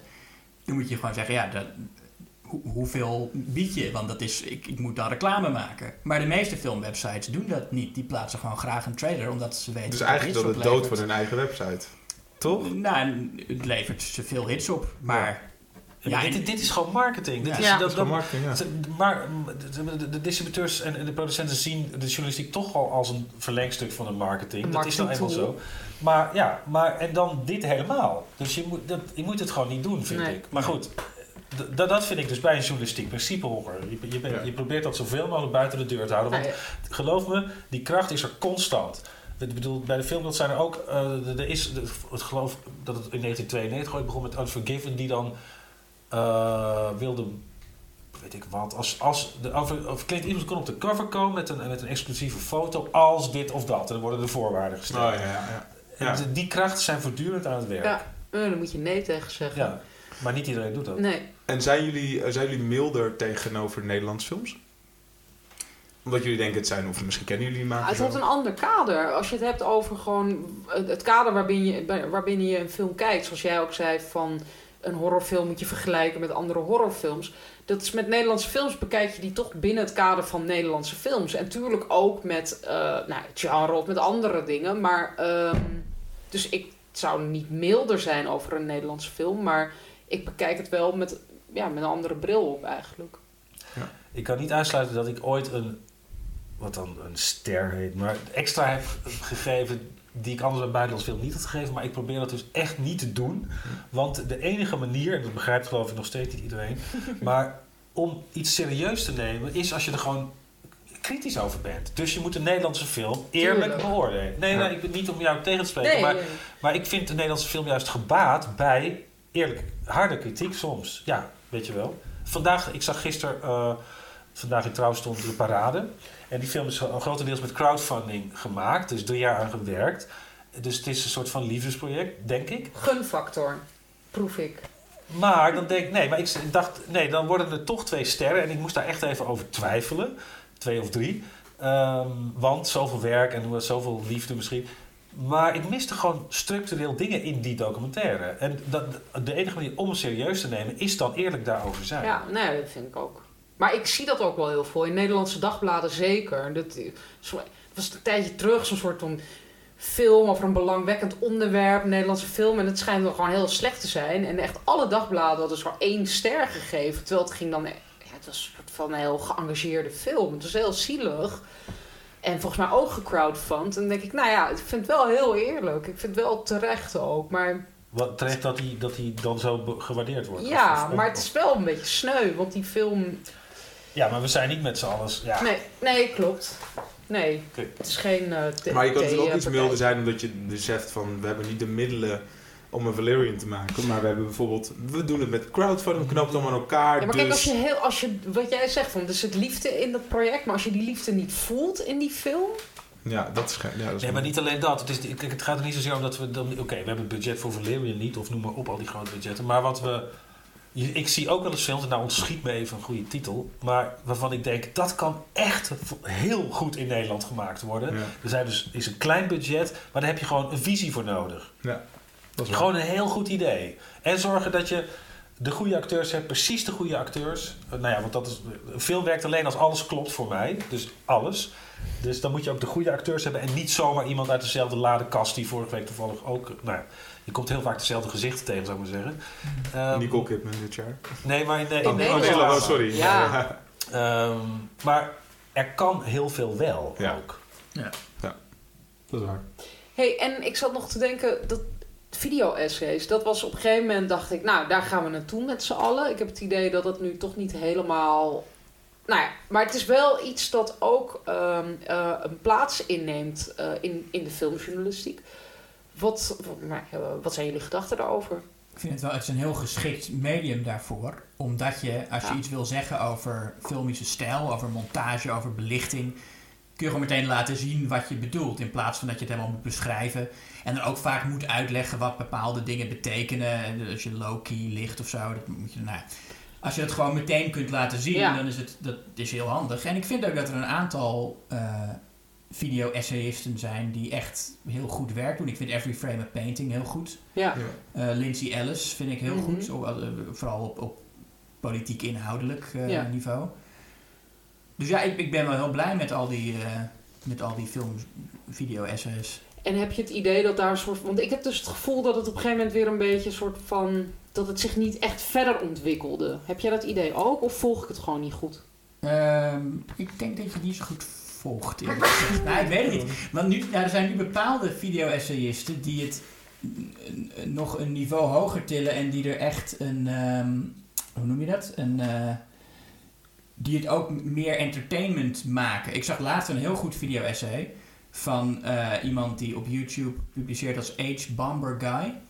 Die had een video-essay van anderhalf uur over waarom Sherlock een slechte serie is. Mm. En het is eh, heel, het, gaat heel diep en het is heel interessant. En het is ook heel grappig. Hij, en hij doet er ook echt grappen in die eigenlijk niet zoveel met Sherlock te maken hebben. Maar weet je wel, hij, hij, hij ontwikkelt zichzelf als een soort persoonlijkheid. eh, waarvoor je echt die video-essays wil gaan kijken. Niet Ja. alleen van, vanwege die meningen, maar ook vanwege hem. Ja, ja dat, is, dat is denk ik de manier waarop je het op dit moment moet doen. Ja. Dat gaat niet meer om de naam van het blad, het gaat echt om de naam van de persoon die het aan het doen maar is. ja, dat past heel erg in deze tijd. Maar ik heb het gevoel dat er te weinig... Maar ja, dit is gewoon, je hebt gewoon YouTube en je hebt daar geëikte eh, platforms voor überhaupt eh, eh, videomateriaal. Maar dat er, ik mis een beetje... Dus ik heb ook niet het idee dat die video-essayisten zich niet ontwikkelen, maar dat de, de, de platforms eh, eh, niet mee ontwikkelen. Of dat er min, ja, ik heb het idee dat bijvoorbeeld podcasts, zoals eh, deze die wij hier maken, veel meer platforms krijgen steeds. En, en video-essays niet. En dat lijkt me wel een interessante ontwikkeling. Dat je dus. ehm, Ja, maar het ding is natuurlijk wel, met de video-essay moet je natuurlijk ook wel ontzettend gefocust ehm, op... Je moet heel erg opletten wat er wordt gezegd en wordt, wordt laten zien. Ehm, mensen hebben gewoon steeds minder tijd. Er is heel veel media. Eh, Mensen hebben ook geen tijd meer om volledige artikelen te lezen. Maar ook niet om video's eh gefocust Ja, te maar kijken. is gaat- een podcast een mooie tussen. ja, maar waarom gaat Blendel dan niet. Ik, ik noem echt maar wat hoor. Maar dat, dat die zegt van nou, we gaan ook video-essays laten zien. Ja, maar ik probeer eens voor te stellen als je een video is over een film maakt. Dat is gewoon niet, dus niet elke film leent zich daarvoor. Het is een soort overstijgend Nee. medium. Je kunt wel een podcast over een film maken. Want je kunt, we kunnen met z'n vier een film recenseren. Maar een video-essay gaat volgens mij altijd over, toch? Meerdere, een verband. meerdere Ja, dingen. maar waarom zou dan geen ruimte voor kunnen zijn?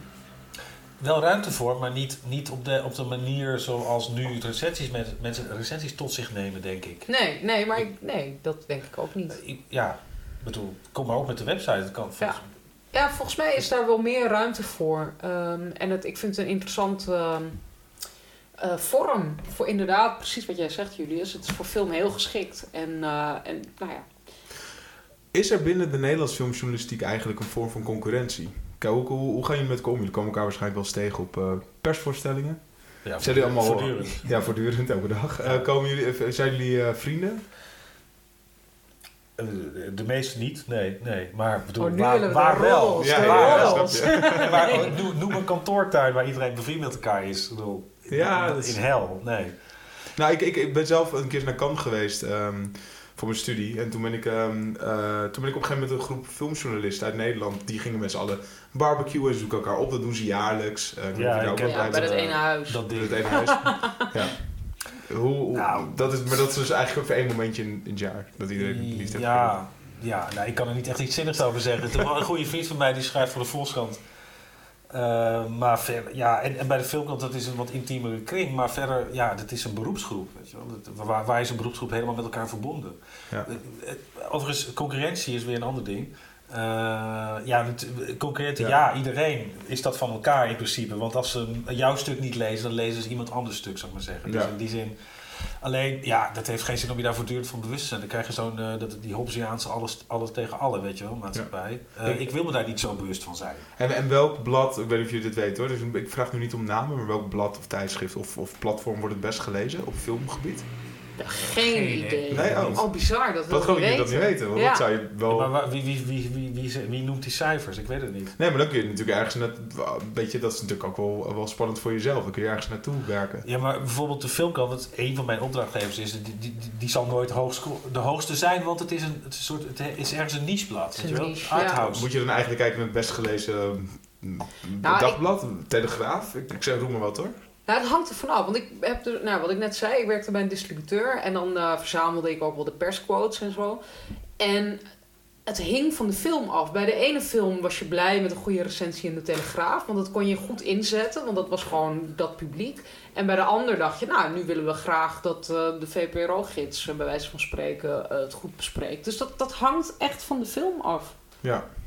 En zo wordt je ook gestuurd, hè? Want deels, want de, de, de, de distributeur die, die vraagt bepaalde media Ja. soms om een interview in Londen te gaan doen voor een film. Want die Ja. weten, oh ja, target audience. Die krant moet daarover schrijven. Dus je wordt daarin gestuurd. In wat Ja. voor hokje zit jij dan bij de distributeurs? Dat weet ik niet echt, geloof Nee. ik. Nee. Trouw is niet zo van de interviews publiceren. Minder dan de Volkskrant en NRC. Dus, eh, dus, dus dat, dat wordt niet zo snel gevraagd om even naar LA te vliegen. Dat heb ik wel eens voor Vogue gedaan. Dat doe ik ook nooit meer. Want Ik ga niet, waarom ga ik nou tien uur in de vliegtuig zitten om elf minuten met Michelle Williams te praten? Wegwezen. Was maar het lijkt niet me een waar? hele saaie meid, lijkt me het ook. Ik heb wel eens interviews met haar gezien. Saaie meid. ja. Ze is een hartstikke goede actrice hoor, daar niet van. Maar... Nee, ja, nee, het was, die elf minuten waren op zich wel aardig. Maar dan zit je dus 21 Ja, uur voor. Ja, ja. Ja, ik zie de logica niet helemaal. Nee, Maar ja, Julius, jij bent ook net uh, naar... Ja, ik mag nog niet zeggen voor welke Oh, film. shit. Volgens mij, denk ik. Ik weet het niet. Maar het werd ons daar verteld dat we niet mochten zeggen welke film. Maar ik was inderdaad laatst eh, naar L.A. Nou ja, ik mocht daar toen wel eh, twee dagen blijven. Eh, omdat ik ook interviews moest doen en ook die film moest zien. Dan maar twee dagen, maar dan vlieg je dus toch nog 20 uur. Ja, Nee, goed, klinkt hopeloos elitair dit, maar het is gewoon heel saai om zo lang te vliegen. Sorry. Het is Ja, zo- blasé. Zo, zo lang vliegen is inderdaad saai. Nou, ik heb in het vliegtuig wel eh, eh, weer films gezien. Dus dat was ook wel, wel Dat neem je dan weer mee. Nou, Ja, dat ik, moet er, nee, ik moet er wel bij zeggen dat de, de, de- de- Armageddon, Steve Buscemi, die zit, Armageddon met Bruce Ja. Willis, weet je wel. Steve. Buscemi die zit op een bepaald moment in die raket. Ja. En dan, zo, zo zit ik namelijk in een vliegtuig. En dan, en dan zitten ze net voor de start. En dan zegt hij, daar zijn personage zegt dan... eh, realiseer je wel dat we op 1 miljoen onderdelen van de goedkoopste bieder zitten? En dan denk ik, ja, dat is een vliegtuig dus ook. De goedkoopste bieder. Oh nee, oh, nee niks. Ja, Ja. Tim Oh. stak zijn vinger op en iedereen was meteen van Tim. Wat Ik dacht dat, ik, ik dacht dat werd aangeklopt. Nee, klopt maar, op eh, mijn hak op de Oh, grond. jij klopt op de Ah. Ah, een Duits Heel ding heel ik. Ik heb in het vliegtuig eh, Titanic, Oh. La La Land en Neighbors 2 gekeken. En ik heb bij twee van die films gehuild. En het was Oh. niet La La La La Land. Land. Nee, maar Ja, twee, oh, nee, we gaan maar toch niet ik die bedoel- discussie weer openbreken, Julius. Eh, maar ik vond, nou ja, LA, dat vond ik wel heel leuk. Want het was wel echt, ik we werden heel erg in de watten gelegd daar. En eh, ik was dus ook wel op mijn hoede om dat niet mijn uiteindelijke stuk over die film te laten beïnvloeden. Ja. Als je allemaal, weet je wel, je zit in een luxe hotel en je krijgt allemaal eh, lekkere hapjes. Kom ik weer met mijn gunfactor. Dat, Ja, eh, nee, maar dat, dat is, wel, dat is wel een gevaar. Maar en ook dat je... zonder het te zeggen, je vond het een aangename film. Ik zal hem niet... Ja, ik vond Ja. het een, ja. We gaan binnenkort overigens, de volgende podcast gaan we eh revealen welke film jullie zijn Oh gezien ja, in LA. laten we dat doen. Toch? Ja. jullie kunnen nu mailen naar... eh we kunnen een prijsvraag van maken. En dan krijg je een, Maar een je, kaartje je naar de krijgt- film. Of, Ja, of gewoon niks. Gewoon. Ja. We noemen je naam. Ik weet niet, hebben we nog iets te zeggen over dit onderwerp? Of denk Nou, ik denk dat we ook wel een beetje moeten afronden. Ja, misschien moeten we eh, gewoon lekker gaan luisteren naar de column van Erik.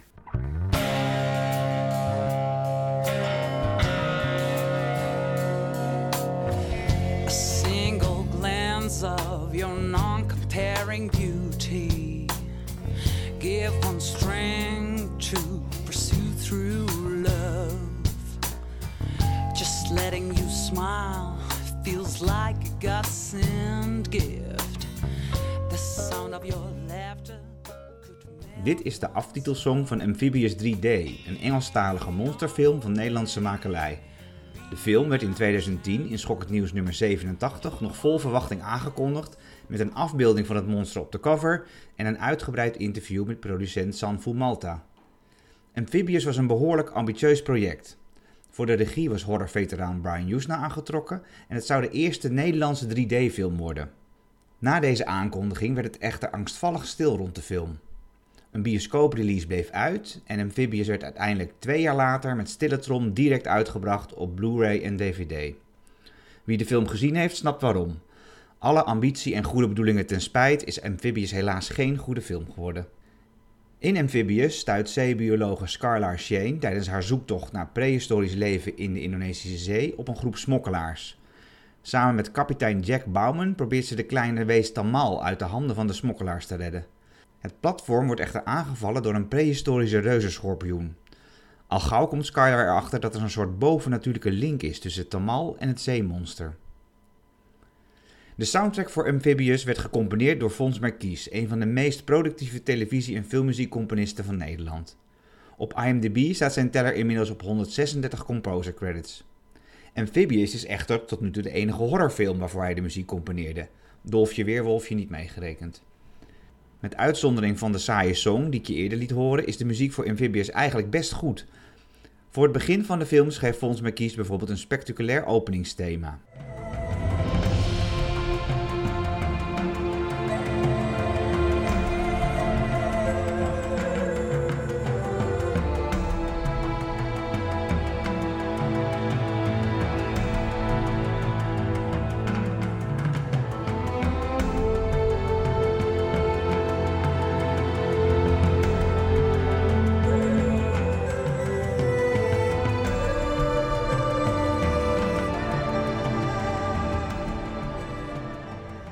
Daarnaast componeerde hij een subtiel hoofdthema dat in verschillende uitvoeringen opduikt in de film.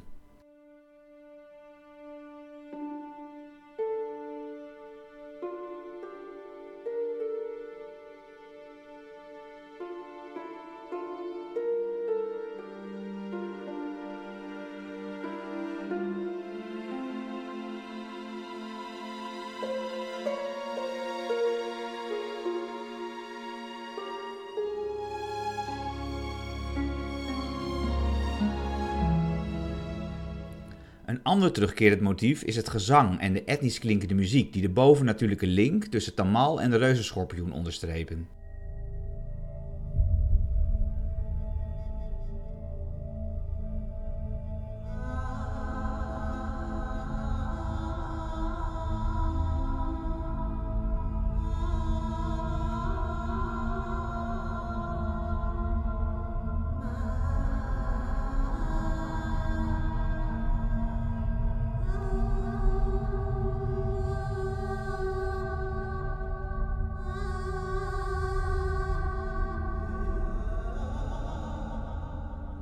Score bevat uiteraard ook veel suspense en actiemuziek die soms een beetje generiek klinkt, maar waarmee Kies ook af en toe verrassend uit de hoek komt met subtiele melodielijntjes.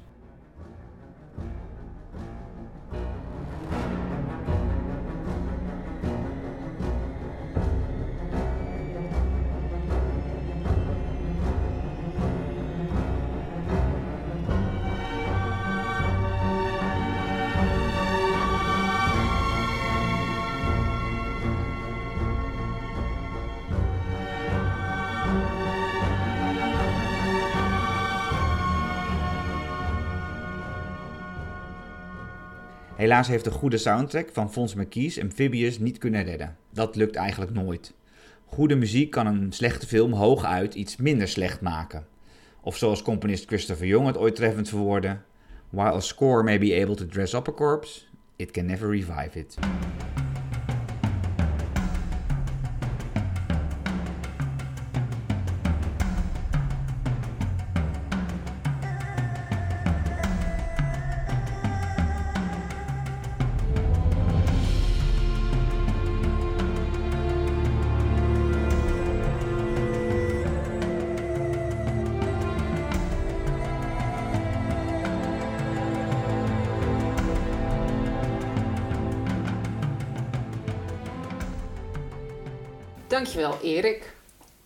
Wat gaan we doen? Ja, we gaan vooruitblikken op de nieuwe film van Darren Aronofsky. En eh, die kennen jullie natuurlijk allemaal van uh, Requiem for a Dream. En zijn laatste film Black Swan, dat was toch zijn meest recente Nee, film? Noah. Oh nee, die kwam toch voor Black Nee, Swan? Nee, die- staat op je... Ik heb het Oh. Ja, helemaal geresearched, jongens. Ik heb het eh, op, eh, op jullie eh, briefje gezet. En het, die film heet dus Mother. We hebben net de trailer gekeken. En ehm Terwijl de meeste mensen aan deze tafel trailers niet zo fijn vinden. Verwachten. Niet in relatie tot de recensie, maar wel als kunst op zich. Ja. Ja, ik vond dit dus wel een, een lekkere trailer. Gewoon, ik vind dat, dat, dat eh, snerpende viooltje heel fijn. Daar word ik heel blij van. ja. En dan denk ik, ja, dat maakt het dan... Want eigenlijk is het een soort geëikt eh, horror trailer ergens. Met gewoon de spanning die opbouwt. En je ziet eh, een vrouw, in dit geval Jennifer Lawrence, gillen. En nou, dat soort dingen. Maar het viooltje maakt het net een beetje Ja. edgy. Dat je denkt van, nou, dit is wel... En je, we, we, we kennen Aronofsky. Dus we weten dat hij wel eh, eigenzinnig is.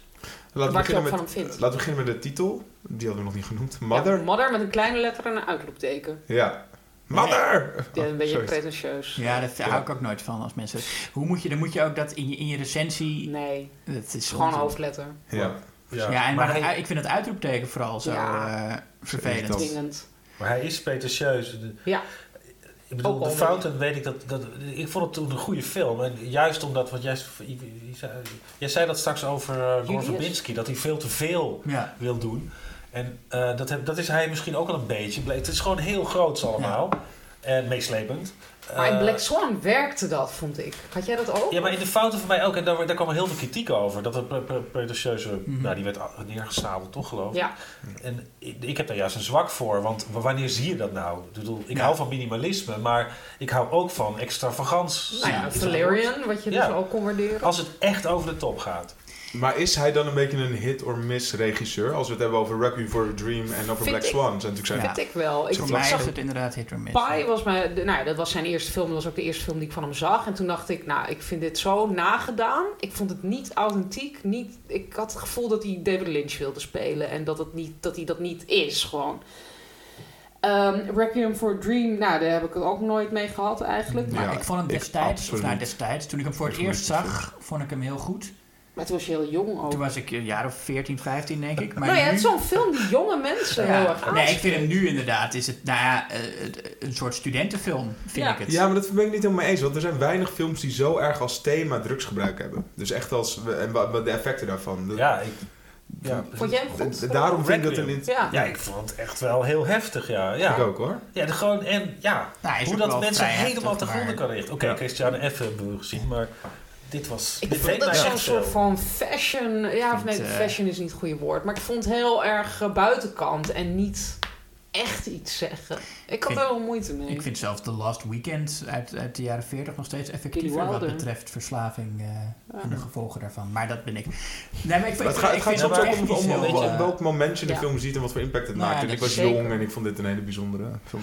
Nee, maar buitenkant is misschien iets wat hij, wat, wat voortdurend misschien bij hem speelt. Ik weet het niet. De, de, de, de films werken voor mij, maar toch, als je nu dat woord zegt, heb ik dat gevoel misschien wel bij, behalve bij de wrestler misschien. Nou, en Black Swan vond ik niet een buitenkant film. Dat, ik, niet dat dat een film was die heel veel te zeggen had, maar het was in balans. Zeg maar de inhoud en hoe die dat bracht. Ik vond het zo'n lekkere film. Gewoon, het was, het was heel erg wat je al kent. Een soort verhaal dat je al kent, maar met weer met, met heel veel gevoel gebracht. En, en Zo ziet dit er ook uit trouwens, als een Ja. verhaal dat je al kent. Ja. Jennifer Ja. Lawrence Maar- die in een huis sta- staat te schreeuwen als de enige die nog gezond is van geest. ja, En de rest Nou, dit voelt Ja. ook heel erg Black Swan-achtig. Hij wordt in die trailer wel heel erg gemarket als een typische, als echt een ouderwetse of traditionele horrorfilm. Maar wat, hoe En zouden jullie het denk- verhaal nu omschrijven dan? Want dat is... Geen idee, hè? Jennifer Nee. Lawrence maar- zit in een huis met haar man Javier Bardem... die overigens heel erg veel op Ronald lijkt. Merkte Ja, Viel me net op. beetje, Ik zou Ja. niet ja. Oh, dit, Maar we moeten wel oppassen met die marketing. Want er zijn natuurlijk, ik bedoel, ik, weet, ik heb volgens mij nooit een trailer van The Witch gezien. Maar volgens mij werd die ook veel meer gemarket als een, eh, als een, ouder, als, als een traditionele horrorfilm. En hoe heet die film ook weer die dit jaar is uitgekomen? It eh, Follows? Nee, niet It Oh, Follows, It Comes maar at Night. It Comes at Night. Ja. Werd ook in de trailer heel erg als, als echt een, eh, een, een The Conjuring-achtige film gepresenteerd. Ja. Terwijl het dat niet Maar is. dan, dan moet ik wel zeggen van The Witch was het in de trailer niet zozeer dat ik dat de... ehm, die heb ik heel vaak gezien namelijk. Niet zozeer dat het hele enge beelden waren. Maar dus dat, dat nare sfeertje en, dat, en de muziek. Weet je, daar, daar deed hij het heel erg op. En dat vond ik dat in de film... die film ook wel. Dat vond ik die film ook hebben, ja. Ja. Dus op het moment dat, de, dat Mother dat dus ook heeft, dat lekkere gitaartje en die enge... Viooltje, denk ik. Dat, of het viooltje, je hebt, een- je hebt gewoon helemaal gelijk, het is een viooltje. Nou ja, ik, ik, zou, ik zou zeggen, pas op met, met het verwachten dat een film echt een, een, een The Conjuring-achtige eh, horrorfilm wordt. Maar, zou- zou- ja, zouden we hetzelfde niet hebben gezegd al, al hadden we hier nu in 2010 gezeten en we hadden net de trailer van Black Swan gezien. Terwijl dat werd een Oscar-winnaar. Ja. Dit zou misschien ook een potentie kunnen Ja. hebben om Oscars Dat te wordt ook gezegd op de, op de blogs. Oh, die Maar, hebben we eh, nog gezien. Op basis waarvan dan? Nou, die zeggen van, nou, dit zou best wel eens wat, wat eh, Ja, Natalie Portman dat- dat- eh, dat voor is- elkaar kreeg met Black Swan, dat ze een Oscar won, Won, toch? ja, Ja, won, ja. dat zou Jennifer Lawrence ook kunnen overkomen. Maar goed, Oscar-voorspellingen, die, dat, ja. dat regent het op internet En natuurlijk. dat vind ik ook een, een, een verachtelijke vorm van filmjournalistiek. Verachtelijke vorm. Ja, Spottelijk, dat is een goed woord.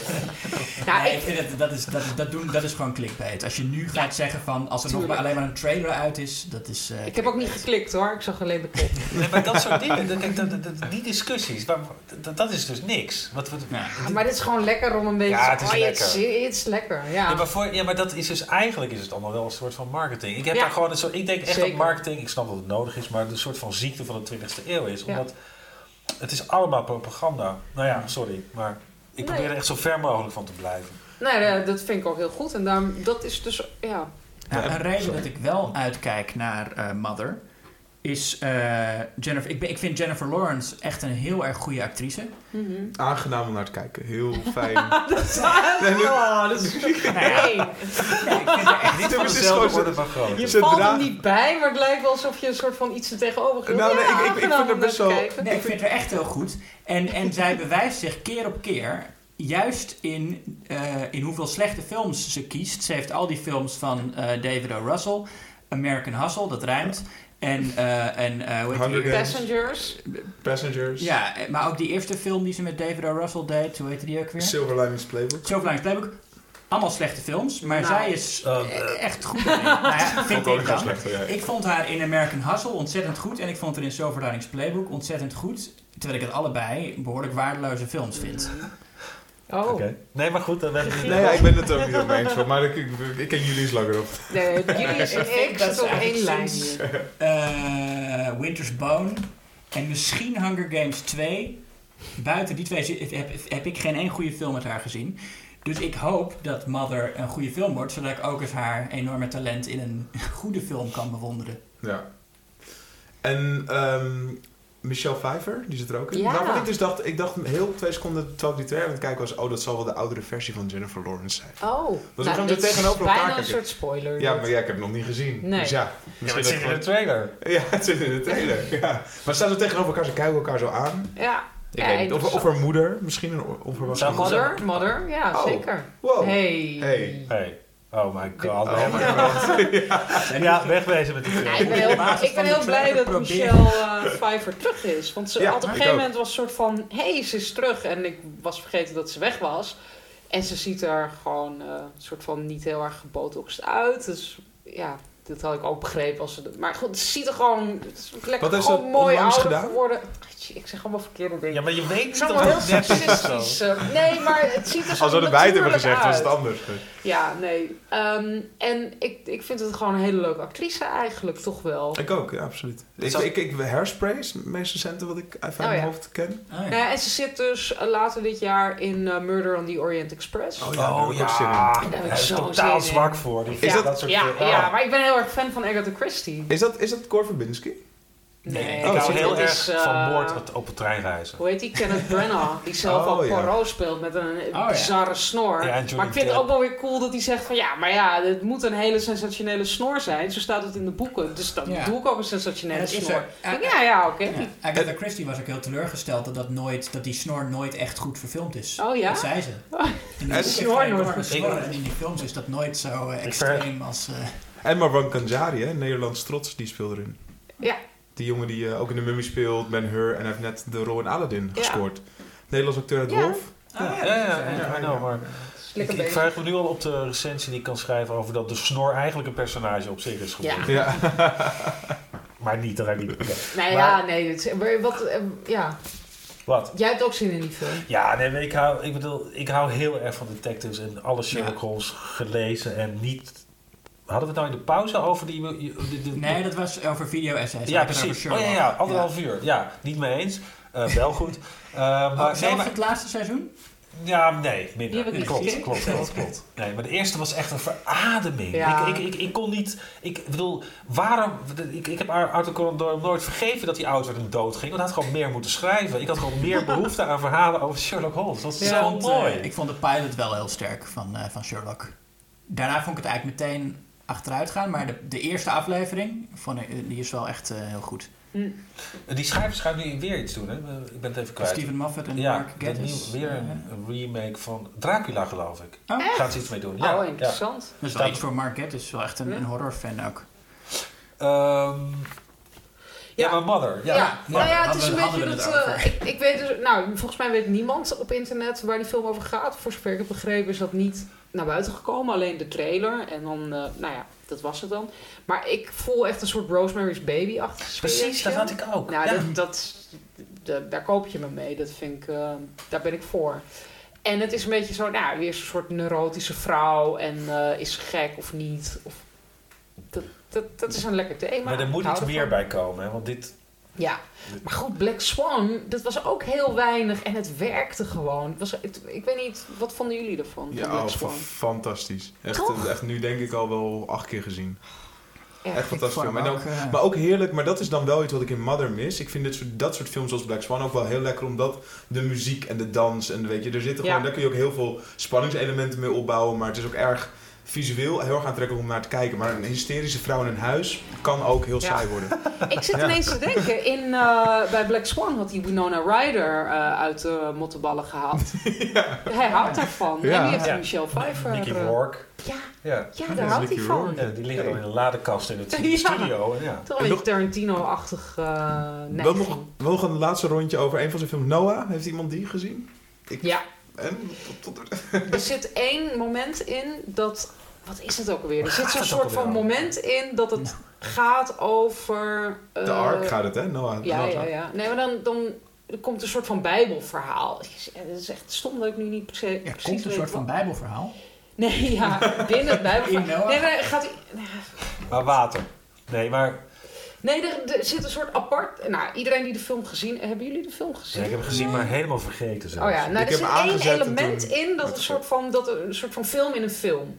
En ik weet nog, ik weet dus niet meer wat voor soort ding dat was, maar ik weet nog dat ik dat heel goed vond. Oh ja, het gaat over het ontstaan van de aarde. Ja. Een soort Tree of Life-achtig moment. Ja, ja, ja. En dat vond ik super goed. En daardoor gaf ik de film. Ik bedoel, ik, eh, ik gaf helemaal geen sterren in een eh, eh, dagblad of, of whatever. Maar in mijn hoofd gaf ik daardoor de film echt een ster meer. Omdat ik dat zo goed vond gedaan. Terwijl de rest van de film was gewoon twee sterren en matig. ja. Toch? Zo staat er met bij, nu je dat zegt. Ja. Inderdaad, die sequentie, ja. Maar nee, maar dat die film echt... Ik bedoel, ik vergeet, ik vergeet veel dingen, maar niet complete films. Maar Nee. deze was ik helemaal kwijt. Nee, het was heel nietszeggend. Nou, laten we hopen voor een comeback. Ja, Dan, eh, en dat hij wat Oscars mag winnen. Zou leuk zijn. Ja. Voor Jennifer. ja toch. De tweede. Oké, we zijn eh, klaar volgens mij. Nee, met, ik ga nog even zeggen. Oh, eh, Zou het niet de derde worden voor Jennifer Lawrence? Nee, zij was Oh. genomineerd voor Winter's Bone. Ze wonnen voor Silver Linings Playbook. Even uit mijn hoofd. Maar Oh. dat is Ja, nee, daarna Ja, is het Ja, nee, Dus ik- heeft, eh, dit wordt wel de, dan de derde nominatie, mocht het zo zijn. Ik ging nog even toevoegen. Mother is vanaf 14 september te zien. Ronald, had jij nog iets toe te voegen? Of eh, vind je het goed zo? Mm, Het is helemaal goed. Oké. Vond je het leuk, Ronald? Ik vind het heerlijk. Ik Ja, het lekker, ja. lekker ouwe horen. Ja. Eh, ik ga nog wat informatie geven. Namelijk de Schokkend Nieuw- Nieuws podcast gaat iedere laatste donderdag van de maand online. En de volgende kan je dus beluisteren vanaf 28 september. Schokkend Nieuws magazine is ook inmiddels verschenen. En dit keer is dat een extra dik Stephen King nummer. Ja, en jullie mogen ook nog mailen naar podcast.schokkendnieuws.nl mocht je nog iets kwijt willen. Een, eh, een compliment vinden we altijd leuk, maar iets eh, feedback. dat Maar ook natuurlijk haat is ook goed. Haat is ook goed. Dat is de media van film, film, nee, de tijd van filmjournalistiek. Je mag erop schieten. Ehm, verder ehm, wil ik nog zeggen dat ehm, eh, ik bijna jarig ben, 29 september. Oh, dat is de nou, dag nadat deze podcast leuk. Ik ben, ik ben eerder jarig dan jij, Tim. Ik ben Oh. 10 september jarig. Echt? Ja, dus als, bent dat- als ik, ik ben baas boven baas hier. Uh-oh, nou moet het samen vieren bij de volgende podcast. Oké, fijne dag allemaal. Waar jullie ook zijn, fijne, fijn weekend, fijne week. Tot ziens.